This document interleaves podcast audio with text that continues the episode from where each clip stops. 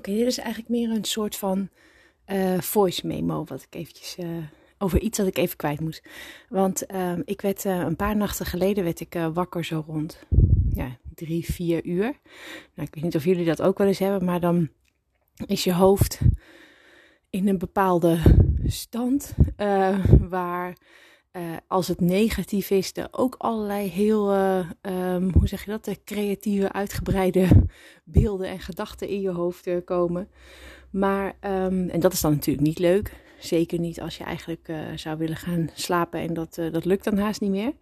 Um, maar datzelfde soort van creatieve brein, dat uh, geeft ook wel eens een soort van uh, nou ja, uh, goede boodschappen af. en dat gebeurde mij dus laatst. Want, um, nou goed, ik, was dus, ik werd dus wakker. En in één keer leek het alsof iemand tegen me zei... Um, de waardering van een ander maakt niet zoveel uit als je dingen voor jezelf doet en je doet het ook op jouw manier. En toen de volgende dag zat ik daar zo over na te denken. En toen dacht ik, ja, het, uh, want ook zelfs s'nachts al voelde het soort van heel rustgevend. En um, ja, dacht ik, ja, ja, inderdaad. En ook de volgende dag zat ik daar zo over na te denken. En um, uh, ja, realiseerde ik me dat dat inderdaad gewoon een, een heel fijn, rustgevend idee is. En wat ik dus bedoel is, uh, als er dingen zijn in het leven die je echt uh, voor jezelf doet. Hè, waarvan het eindproduct dus echt voor jou is. Dus ik heb het niet over een samenwerking of. Um, nou ja, uh, maar in ieder geval dus echt iets wat echt van jou is. En uh, je weet ook dat je dat echt op jouw eigen manier het beste kan doen. Met jouw eigen strategie om dingen te bereiken. Um, op je eigen manier, met je eigen vaardigheden. Nou ja, uh, op je introverte manier, op je extraverte manier, op je reactieve manier, op je proactieve manier. Uh, wat dan ook. Maar je weet dat het gewoon, ja, dat het zo'n zo'n ding is, zo'n levensgebeurtenis, zo'n stap, zo'n onderneming, zo'n plan, zo'n activiteit.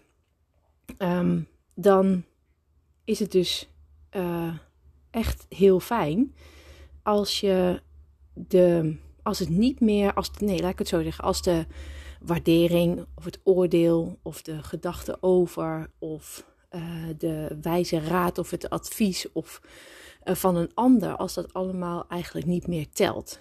En nogmaals, ik bedoel het dus ook niet als een soort van eigenwijzigheid. Uh, van ja, ik moet per se alles op, op op mijn manier doen. Mijn manier is het beste. En want dat is vaak bijvoorbeeld in dingen die je uh, samen met anderen moet doen, of die anderen ook uh, aangaan. Of wat. Dat is natuurlijk niet een handige manier. Maar dit gaat even echt om de dingen die je helemaal uh, voor jezelf en door jezelf kan doen. Um, ja, dan. dan um, ja, dan is het echt een hele soort van geruststellende gedachte. Dat het voor jou dus ook niet uitmaakt um, uh, wat een ander daar eigenlijk van vindt. Of hoe een ander, of die daar positief naar kijkt of negatief. En met name dat stukje van of de, een ander zou zeggen van nou ik zou dat nooit doen. Of ik zou dat op deze manier doen. Of zou je niet zus of moet je niet zo. Um, uh, het is niet dat je, dat, dat je daar dan niet naar luistert of dat je dat niet aanhoort. Maar uh, tussen het stukje luister, er luisteren naar en het aanhoren. En er daadwerkelijk ook iets dan zelf uh, misschien mee doen of doorvoelen of onzeker van worden of um, ja, uh, eigenlijk uh, van je pad van raken. Daar, daar zit natuurlijk echt iets tussen. Je kan gewoon luisteren en aanhoren en toch denken, nou goed, oké, ik hoor dit. Um, maar ja, ik doe dit ding, echt deze stap, dit plan, doe ik echt gewoon op mijn manier. Ik voel dat dat uh, het beste is omdat ik het ben. En deze hele stap gaat over mij en het eindproduct zal ook gewoon puur voor mij zijn.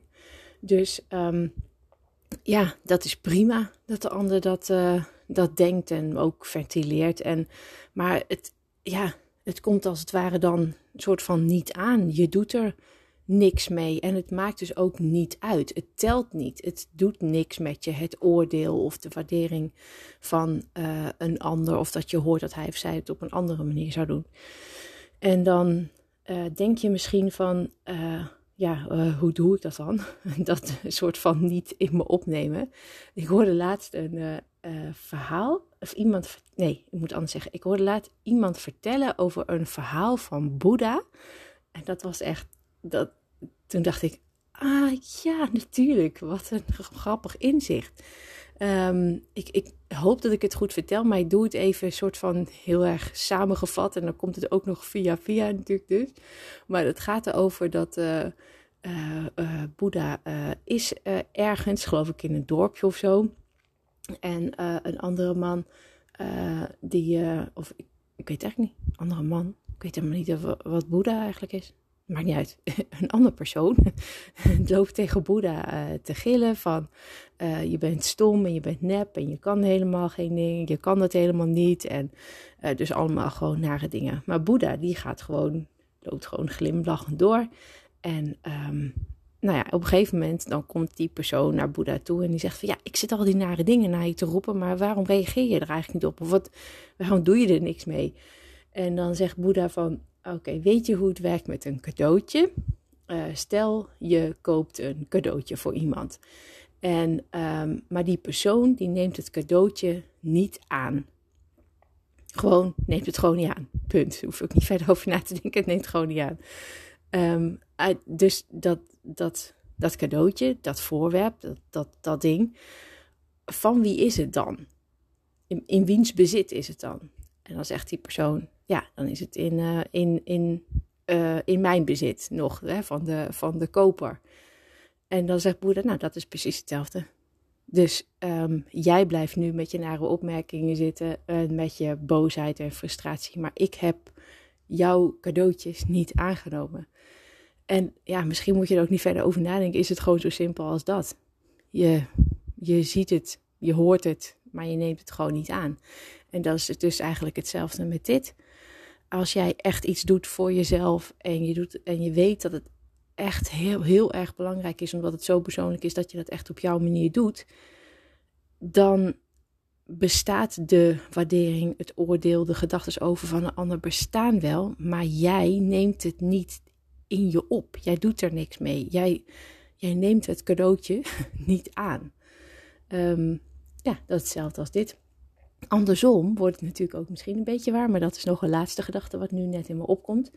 Als je dit een ander ook gunt, um, dan zou je het de ander makkelijk kunnen maken door misschien niet zelf ook de hele tijd, uh, nou ja, je oordeel en je waardering.